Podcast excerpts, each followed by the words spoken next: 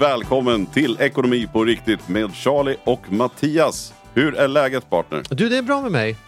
Det är ju eh, det är jädra tjat om detta, att det är ju märkliga och oroliga tider med allting som pågår. Men man får ju ha fokus på eh, det som eh, finns att ha fokus på. Och då säger jag att det har varit fantastiskt väder sex dagar i sträck. Mina grannar har varit mer kärleksfulla och stödjande än på länge eh, och jag har gjort fler restaurangbesök än vad jag gjort på länge för att stödja den lokala handeln. Eh, och eh, ja, ja, och jag är tacksam att jag har investerat i guld och silver och fastigheter och inte bara har alla pengar på börsen. Så eh, med mig är det ganska bra, får man påstå, trots att Sverige är mm. någonstans halv lockdown på något sätt. Det är klart att det pågår en massa oro, men jag är mer orolig för de som är oroliga än vad jag är orolig för, för hur det är, om man säger så. Då. Hur är det med dig? Ja, men det är bra. Jag tycker ju att... att ja, jo, det, med mig är det bra, men, men jag tycker att det är jävligt... Det är tråkigt. Jag tycker det blir ju... Det ligger ju som en blöt filt över oss med den här corona, eh, tragiska med, med corona. Och det, jag vet inte, jag, man blir påverkad. Jag blir påverkad. Jag tycker det liksom, man hör ju man kan ju dra många historier som helst och hur många som drabbas men det känns ju som att alla drabbas mer eller mindre. Jo men du jobbar ju med programledare, liksom... musiker, föreläsare. Jag menar där står väl allt still liksom? I stort ja, sett. det kan, man, det kan man lugnt säga. Det ställs ju också in och det konstiga är att man, man ställer redan nu in liksom planerade turnéer som kanske ska äga rum i oktober, november. Och även de börjar man ställa in för man tror inte Ja, det är ja, så här, för det första så vågar man inte riskera någonting. Det är ingen som vågar ta några risker känns det som. Och att vi, vi eh, Ja, men och att man tror inte att folk kommer vara på hugget och vilja göra saker och man kommer gå och tänka, är det corona eller inte? Nu vet vi ju inte hur det ser ut. Jag menar, mm. nu, är vi, nu är vi inne i slutet på mars, liksom. Mm. Men hur ser det ut om en månad? Det är ju ingen riktigt som vet. Mm. Eh, men ja, det, jag vet, det är en jädra konstig situation. Det här har man ju aldrig varit med om. Jag skulle vilja också vill passa på att välkomna vår eminenta och trogna och fantastiska gäst här, Arturo. Varmt välkommen! Tack så mycket, tackar! Hur är det med dig? Är du eh, frisk? Jag är frisk, men eh, jag känner ju som ni eh, en oro och också bekymrad över hur tufft det är för många nu. Och eh, det är väldigt, väldigt många som omfattas av det här. Så jag kan förstå att oron är utbredd. Och för många är det eh, riktigt, riktigt jobbigt. Mm. Vad, kan vi, vad kan vi vänta oss? Alltså, nu, det, det, är ju intressant man hör den e, mer eller mindre eh, begåvade eh, experten på helt andra saker uttala sig. Så jag tänker vi ska väl inte prata om, om epidemisidan. utan, men vi kan ju verkligen prata om ekonomisidan. Ja. Vad kan vi förvänta oss att det här får för följder det vi ser redan nu, ekonomiskt. Liksom. Hur oroliga ska vi vara för, för den situationen vi står inför? Det finns ju inte så jädra mycket att jämföra med sen tidigare. Liksom. Nej, det är riktigt. Eh, jag tror att det finns eh, anledning att vara orolig och eh, framförallt för de som är småföretagare idag inom tjänstesektorn så tror jag att oron är fullt befogad. Eh, jag var förbi ett stort eh, köpcentrum här för två helger sedan och noterade en lördag och noterade att det var väsentligt färre människor där än vad det brukar vara. Jag skulle uppskatta att det kanske var eh, en, i bästa fall en tredjedel så många som brukar vara där. Och jag var handlade i några butiker och frågade hur det såg ut omsättningsmässigt. Och då var det många som sa att det är en omsättning som ligger ungefär på 20 procent av vad det brukar vara. Det är en enorm skillnad och pratar med folk som jobbar som frisörer eller eh, är kiropraktor eller annat, eh, de har ju fått sett sin eh, inkomst försvinna nästan helt. Så vad, det är väldigt tufft. Vad händer? Hur länge klarar vi som samhälle utan att det får långtgående konsekvenser att, att handeln går ner till 20 procent av vad den har varit nu. Förutom toapappershandeln som har skjutit i höjden av någon märklig anledning. Men, men i övrigt då? Liksom, ja. Det finns ju naturligtvis vissa branscher som klarar sig bättre än andra. Vi gjorde en, en, en undersökning i höstas eh, bland tusen småföretagare, alltså med anställda under, med färre än 50 anställda eh, och frågade hur länge man skulle klara eh, likviditeten eh, om man tappade 50 procent. Eller hur många som skulle klara sig i tre månader om omsättningen sjönk med 50 procent. Och det var ju väldigt stor variation. Eh, Sämst var det för hotell och restaurangnäringen. Där uppgav då 55 procent att de skulle klara sig i tre månader då, om man skulle tappa 50 procent av omsättningen. Medan det fanns andra branscher då som skulle klara sig betydligt bättre. Men det är stor variation och vissa branscher ju, lever ju med små marginaler och har gjort det alltid. Men hur ska vi förhålla oss till det då? då har vi halva omsättningen pratar vi om. Vi tror mm. att det är betydligt, hotell och restaurang och resebranschen kan vi ju konstatera, de går ju mot noll. Så att jag menar, de, de omsätter ju i stort sett ingenting en sån här vecka. Nej, det är riktigt. Det är ju ingen som vågar bo på hotell knappt. Liksom. Nej, och för dem är det naturligtvis mer en katastrof. Det är ju helt omöjlig situation när man tappar så otroligt mycket. Normalt sett så är man kanske van vid att ha fluktuationer under en säsong och kanske tappa 20-30 procent av omsättningen eh, under sommarmånaderna eller över jul och nyår för vissa branscher. Men när man tappar 50, 60, 70 procent eller som du pratar om då kanske ännu mer, mm. klart, då går det ju inte. Eh, och Det är därför många av de här företrädarna och representanterna för småföretagare inte minst är extremt oroliga och den oron är befogad. Men tycker du, när man pratar om detta, nu börjar det pratas om detta som många reagerar men är inte det konstigt? Hur kan man driva företag och inte ha liksom marginaler. marginaler och sparat undan så att man klarar eventuella kriser åtminstone sex månader Eh, Eh, upplever du att det finns liksom en, är det en naiv bild från omvärlden att företagare skulle ha möjlighet att spara undan så mycket eller är det en viss poäng att företagare är lite nonchalanta med att peta undan i ladorna? Liksom? Jag, tror, jag tror det är en kombination. Den, den där tanken har faktiskt slagit mig eh, och det gäller ju hushållen också. Jag håller ju på med en undersökning nu som tittar lite grann på hushållens marginaler. Och eh, hushållen har ju levt i de bästa av två världar under ganska lång tid. Man har haft en god inkomstutveckling, man har fått eh, lägre inkomstskatter eh, och som grädde på moset så har man kunnat se eh, lägre bolåneräntor. Så att man har ju liksom haft en, en ekonomisk utveckling som har varit väldigt god för väldigt många hushåll. Inte alla, men för väldigt många. Det vi ser är ju att folk liksom spänner bara bågen då. Det är inte så att man spar desto mer och håller igen på sin konsumtion, utan då har man ju liksom fortsatt att konsumera i paritet med inkomstutvecklingen. Så man har lika små marginaler idag, trots högre lön, än vad man hade tidigare. Och det är klart, det är ju inte jättebra. Det här gäller inte alla hushåll naturligtvis. Och eh, man ska ha respekt. Jag kan ju också vara lite förvånad här att många företag företag ha så små marginaler. Samtidigt ska man ha respekt för vissa branscher hur det faktiskt ser ut. Det är inte så lätt att skapa de här marginalerna. Eh, men visst, visst hade det varit sunt om fler tänkte på eh, den här typen av händelser eller liknande händelser. Att eh, fylla lite grann i ladorna. Och vi ska vara glada och tacksamma att regeringen har varit återhållsam. För det har ju varit många som har riktat kritik till regeringen. Att man inte har satsat mer tidigare. Och det ska vi vara tacksamma för att man inte har gjort. För de pengarna kommer väl till pass nu. Du menar att hade man infört hårdare restriktioner så hade det kanske varit bättre ur ett folkhälsoperspektiv men det hade definitivt varit sämre ur ett långsiktigt ekonomiskt perspektiv. Alltså som det... också är ett folkhälsoperspektiv tids nog. Liksom. Absolut. Liksom. Jag tänker på att eh, tidigare så har ju många sagt att eh, vi ser signaler nu på en svagare konjunktur.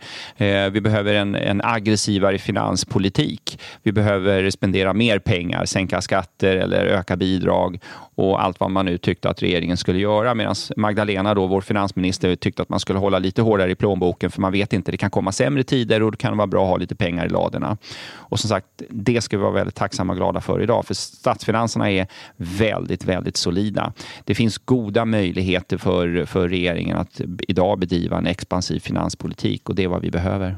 Tycker du att man gör det då? Tycker du att eh, det finns Görs det åtgärder eller ser du att det kommer göras åtgärder som kommer göra att det finns något företagarklimat Liksom. Man gör och har gjort redan en hel del. Det, det, ska vi komma ihåg. Samtidigt så tror jag, precis som många av de här representanterna från näringslivet eh, som säger att det, görs, att det behövs mer. Och jag tror också att det behövs mer, inte minst för småföretagare.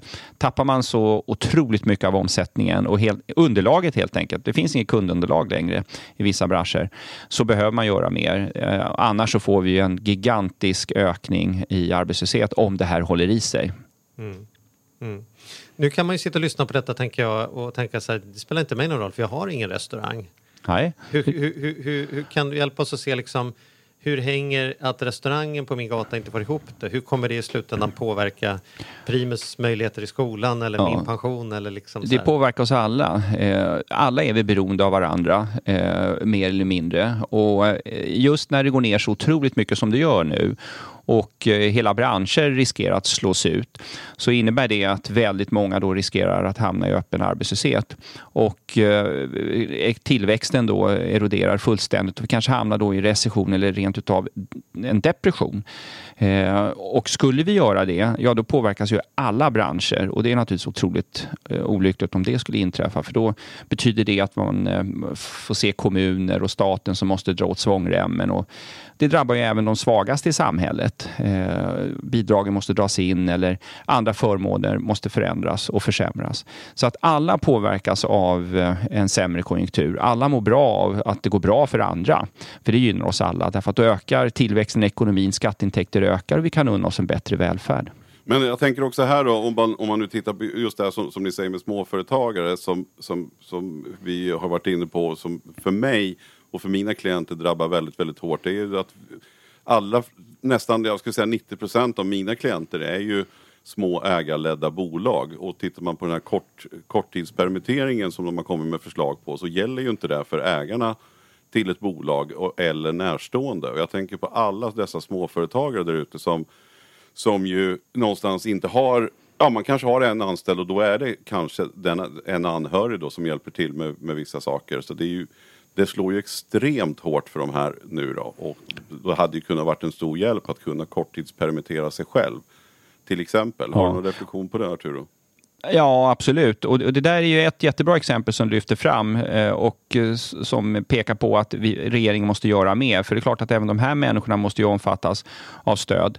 Eh, och vi får inte heller glömma bort att de, de flesta jobbar ju inte på de här gigantiskt stora bolagen idag, utan en stor del av tillväxten kommer ju från småföretagare och de sysselsätter ju jättemånga människor.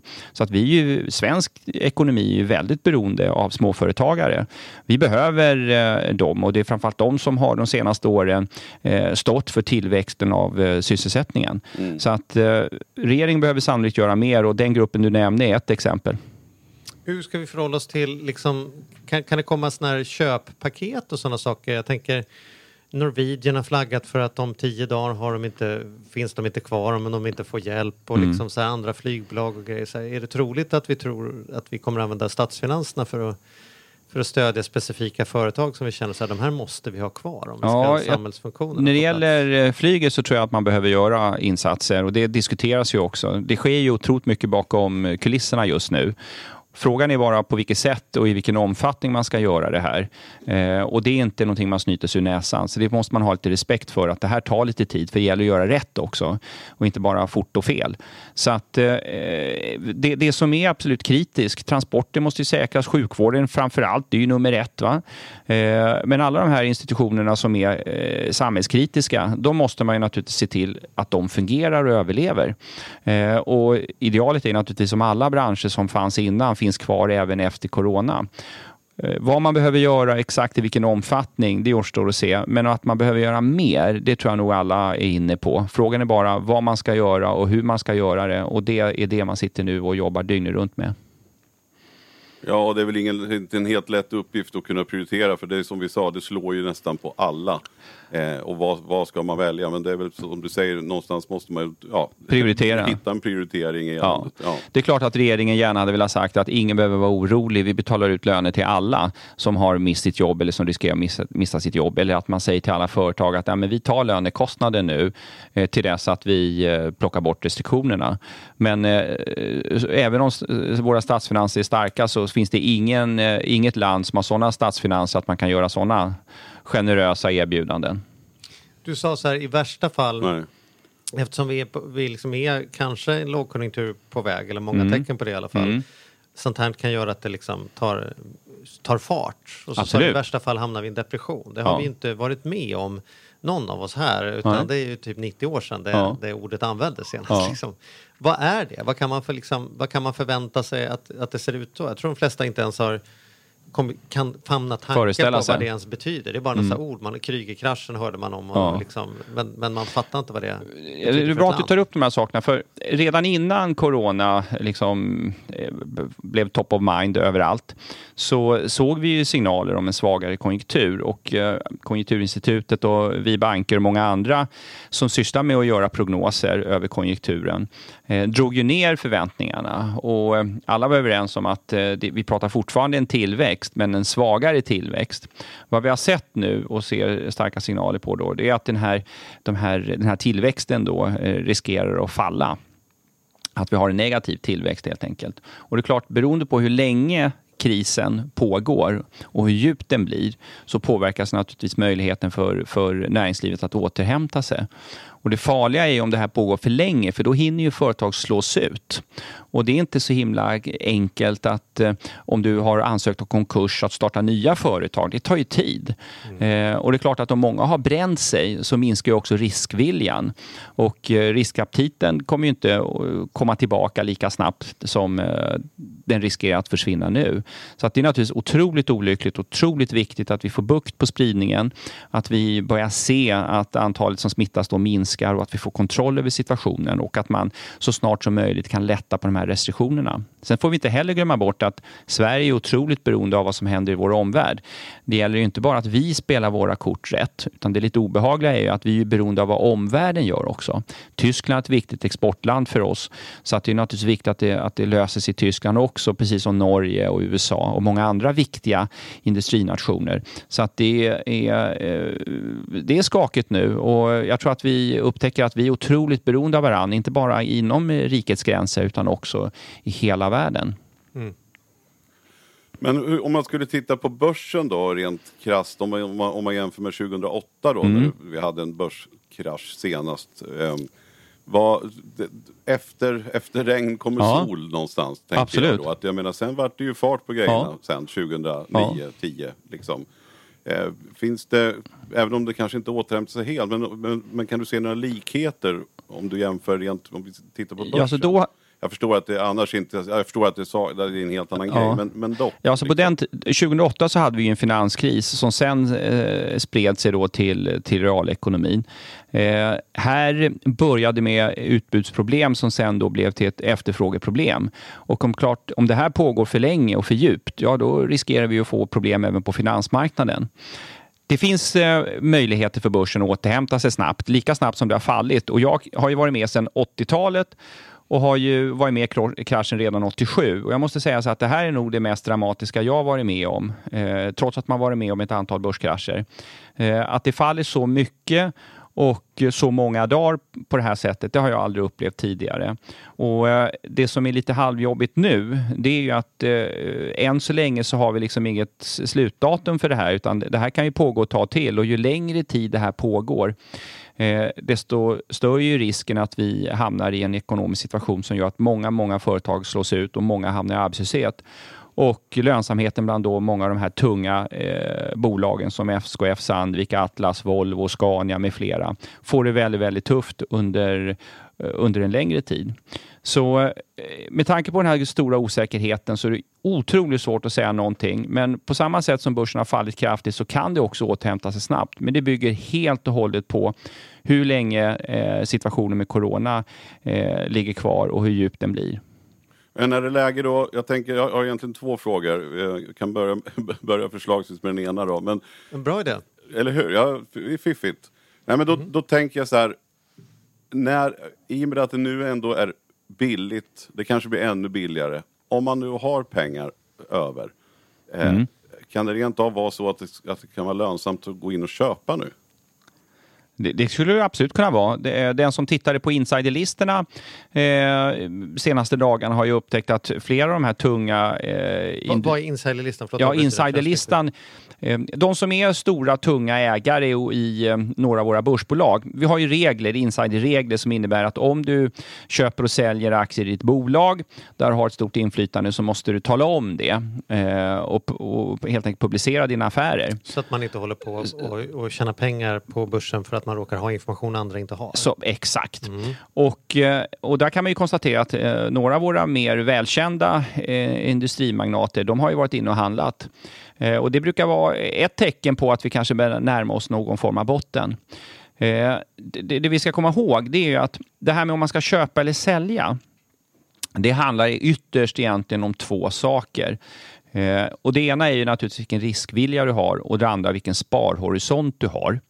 Och det är klart, ju längre sparhorisont du har, desto högre andel aktier kan du kosta på dig att ha eftersom risken att drabbas av en negativ avkastning minskar med tiden. Så beroende på vilken riskvilja du har och vilken sparhorisont du har och hur du ligger placerad idag avgör om du ska köpa eller sälja.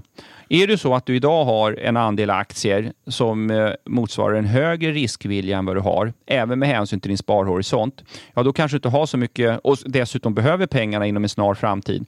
Då har du inte så mycket annat val än att kanske sälja. Om du å andra sidan inte har en högre andel aktier än vad som motsvarar din riskvilja och sparhorisont, utan tvärtom kanske en lägre, då finns det ju anledning för dig att eh, lite försiktigt börja titta på om du inte ska börja handla lite. Jag har till exempel gått in och handlat lite grann. Eh, och Det är därför att jag har en sån lång sparhorisont och en sådan eh, portfölj idag att jag kan kosta på mig att handla lite grann. Men jag är fullt medveten om att det kan fortsätta ner lite till. Å andra sidan så vet jag, eftersom jag har varit med så länge, att det är i stort sett omöjligt att pricka botten. Och någonstans måste man i så fall börja handla lite. Och vi kanske, och jag säger då kanske, eh, börja hamna i ett läge där eh, vissa som har en lång sparhorisont kan börja handla lite grann. Men om man tänker tvärtom, jag tänker så här, det finns ju, var min andra fråga, just där som man sitter då, liksom gemene man som sitter, man kanske inte exakt vet vad man har, man har man har sina pengar placerade i bankens fonder. Alltså alla banker, mm. storbanker har ju sina egna fonder. Och man ja. har lagt in pengar där. Är det, så här, det är inte läge nu då, sälja, rädda det som räddas kan. Utan du tycker att har man varit med på den här resan ner så ska man bara ligga kvar, eller? All erfarenhet och eh, all historia visar att den som är långsiktig och sparar regelbundet, det är den som lyckas bäst på börsen. Mm. Eh, är det så att man eh, eh, inte klarar av de här svängningarna som vi har på börsen. Vi ska komma ihåg att de svängningar vi ser på börsen idag är extremt ovanliga. Att börsen rör sig 3-4 procent varje dag. Det är otroligt ovanligt. Normalt sett i genomsnitt så rör sig börsen lite drygt 1 från en dag till en annan. Vissa dagar mer naturligtvis, andra dagar mindre. Men i genomsnitt. Idag ser vi rörelser som är 3-4 gånger större. Det är extremt ovanligt. Eh, om man inte tål de här rörelserna, eh, då har man förmodligen för hög risk i sin portfölj. Tål man de här rörelserna, då kan man ligga kvar. Och som sagt, den som spar regelbundet, fortsätt med det. Var långsiktig. Det är den strategin som historiskt har visat sig funka. Mm. För det är just det som är risken tänker jag att när rubrikerna är som de är och vi pratar som vi pratar då drar man slutsatsen att nu ska jag sluta med mitt månadssparande i bankens ja, fond. Och kanske rent utav sälja.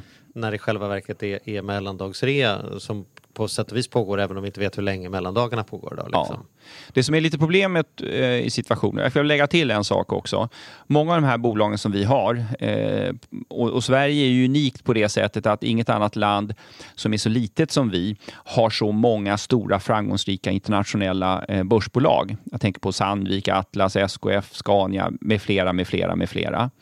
Och klart, många av de här bolagen är extremt välskötta, välkonsoliderade, stark balansräkning, god lönsamhet. Och så händer det här som omkullkastar och påverkar dem i stor utsträckning.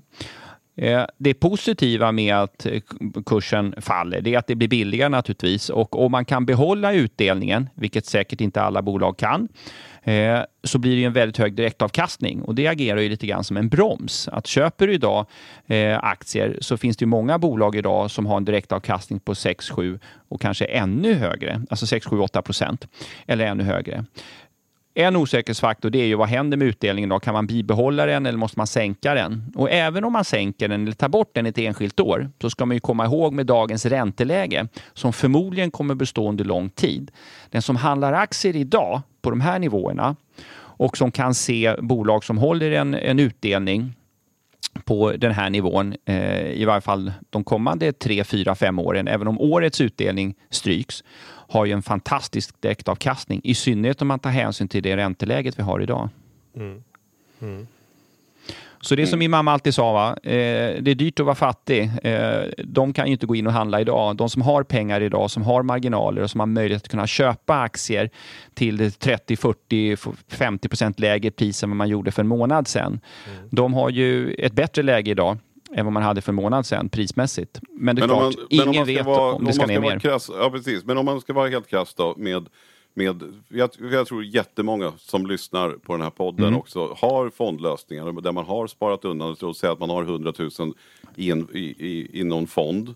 Ja. Eh, då ska man inte ta ut dem nu och börja köpa på nytt. Då. Alltså man tar ut och så köper man 10 för 10 000 i 10 månader.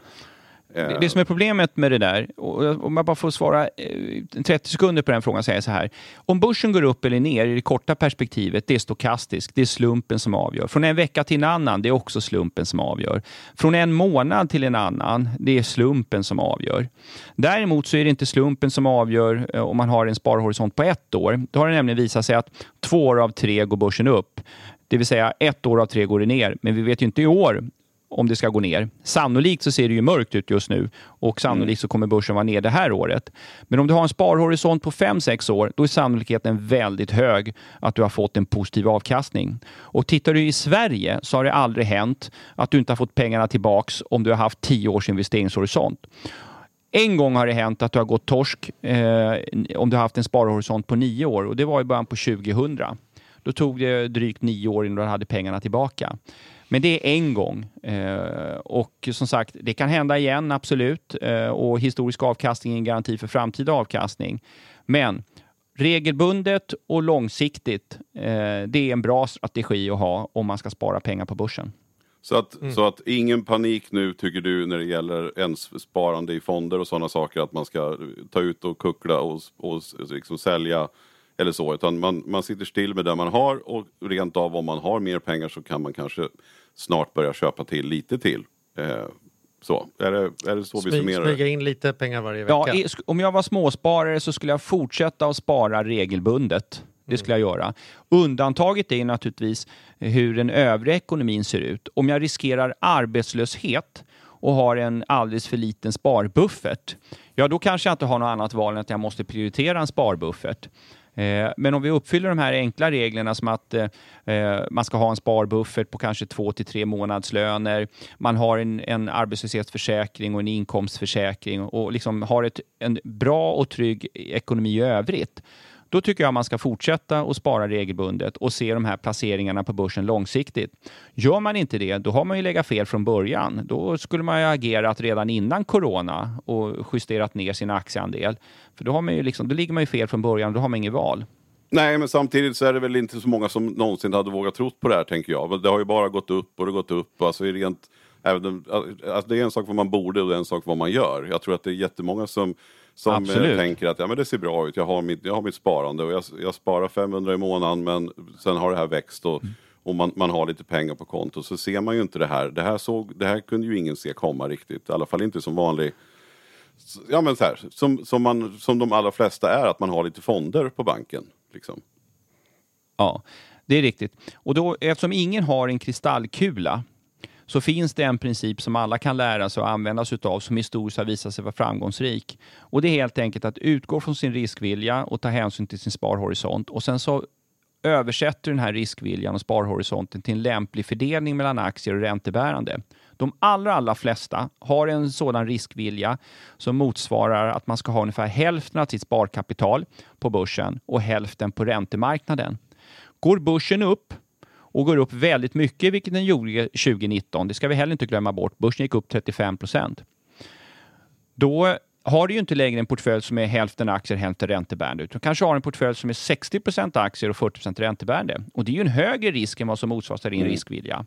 Då skulle du alltså ha minskat ner din riskexponering. Det här gick jag ut med i början av februari och talade om, och jag vet att också några tidningar eh, skrev artiklar kring det här, att se över din portfölj. Du kanske inte har den risken som motsvarar din riskvilja. Då var intresset för att göra förändringar inte så stort, för då trodde ju alla att träden skulle växa till himlen. Mm. Och, Eh, och en annan eh, sak som hindrade många, det var ju det att alternativavkastningen var ju så låg, det vill säga räntesparande ger ju inte så mycket. Och då kände jag att jag var ganska ensam som sa att noll är mer än minus. Och om ingen visste det då så vet vi det alla nu, att noll är mer än minus. Den allokeringen som du ska ha ska motsvaras av din riskvilja och sparhorisont oberoende av vad du får på sparkontot. Mm. Artur, avslutningsvis, finns det någonting mer man kan... Hur kan vi tänka i dessa tider liksom, ekonomiskt? Hur, hur kan man som eh, privatkonsument eller liksom privatperson eller som lyssnare bidra till lösningen snarare än till problemet eller vara förberedd för det som kommer så man slipper springa mot nödutgångar och grejer? Liksom? Jag, tror, jag tror nyckeln i grund och botten handlar om att man har en sund och hållbar ekonomi. Eh, och eh, min mamma lärde mig tidigt att eh, försöka uppfylla tre rekvisit. Och det ena är att du spar först och konsumerar sen. Det andra är att du försöker undvika att låna till konsumtion. Och eh, det tredje, om du lånar, se till att amortera. Följer de tre principerna, då har du en bra plattform att stå på. Om du dessutom kompletterar det med följande. 1. att du lägger upp en hushållsekonomi som innebär att du kan spara 10% av lönen efter skatt. Att du har en sparbuffert på åtminstone två månadslöner efter skatt. Och det tredje, ha möjlighet att bo kvar i ditt befintliga boende i 12 månader, även i händelse av arbetslöshet, långvarig sjukdom eller skilsmässa. Då skulle jag säga att då kan man kosta på sig att tänka på det sättet som jag pratar om när vi pratar om att passera på börsen. Att vara långsiktig, eh, se till att spara regelbundet. För då är det inte så liksom, beroende av det här kapitalet utan kan avvara det nu i det här läget. Och det är nyckeln till framgång. Mm. Jättebra. Och jag vill också tillägga nu att i de här tiderna att man inte går på så mycket rykten och så där. Det finns ju jättebra bra information både på, på Skatteverket, är duktiga på att uppdatera sig. Även om vi pratar den här korttidspermitteringen så går man in på tillväxtverket.se och sen så finns det också bland annat info om, om sjuklöneansvar och sånt hittar man ju på, på regeringen.se. Det är liksom trygga, säkra, bra länkar där man kan hitta bra information. Så att sök där istället för på Flashback om vi säger så. ja, och där skulle jag vilja komplettera, generellt sett. Då, nu, nu, nu kommer jag tala mot mig själv. För jag ska säga så här, lyssna inte på sådana som mig. För jag vet ju inte vad jag pratar om och det är svårt att höra skillnad. Så in på, på de myndighetssidor som ger rekommendationer. Om man säger att det inte ska vara större folksamlingar än X, då är det X vi ska utgå ifrån och då behöver vi inte halvera det och få panik. Och är det säger att man är i riskzonen ska man inte göra det ena. Det betyder att vi som inte är i riskzonen ska inte sluta göra det för att vi behöver inte få hela samhället att stanna för att ta det säkra före det osäkra därför att vi skapar osäkerheten Eh, långsiktigt i ekonomin genom att köpa oss det vi tror är säkerheten kortsiktigt inom folkhälsa. Och det är ändå frågan om vi ska ha barnmorskor i Norrland, om vi ska ha fungerande förskolor, om vi ska ha åldringsvård som kan ta hand om människor är ju lika mycket en fråga om att hålla igång svensk näringsliv som det är en fråga om att ta hand om folkhälsan. Så i mitt fall är det så att när folk säger så här, ska ni göra det här, ni är 70 personer, ja men nu är regeln 500, är vi 70 då, då gör vi det förstås för det finns en anledning att någon har sagt 500. Va? Liksom. Det, det, är väl typ där jag är. Att man, återigen, låt inte Flashback eller Expressen vara din guide till så tar du vidare där vi står just nu. Liksom. Nej, det finns ju precis. Vi har väldigt bra experter. Vi får ju helt enkelt lyssna på experterna. Eh, det, det är så. Det finns många som tycker och tänker och det är fascinerande hur, hur, hur ekonomireportrar står i tv och pratar om corona. Det är ju liksom, ja, det är häpnadsväckande. Mm. Eh, mm. Hur man inte ska smittas. Det är för de som kan sköta, tänker jag då. Men otroligt mm. bra tips. Jag tycker också det var skönt att höra det här Artur från dig med, eh, med börsen och tänket och fonder och sånt där. För det tror jag är många som sitter och är oroliga över. Och den, mm. den den kan vi ju oavsett fast vi aldrig har varit med om just det här. Men vi måste mm. ändå gå på vad som är sannolikt. Ja, jättebra. Du, det tycker jag vi stänger butiken på va? Det gör vi. Stort tack för att du kom Arturo. Tack snälla för att du fick komma.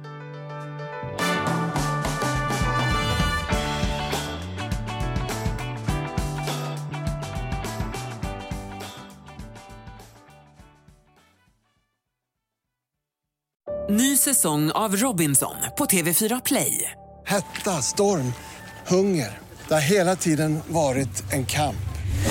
Nu är det blod och tårar. Fan händer just det. det detta är inte okej. Okay. Robinson 2024, nu fucking kör vi.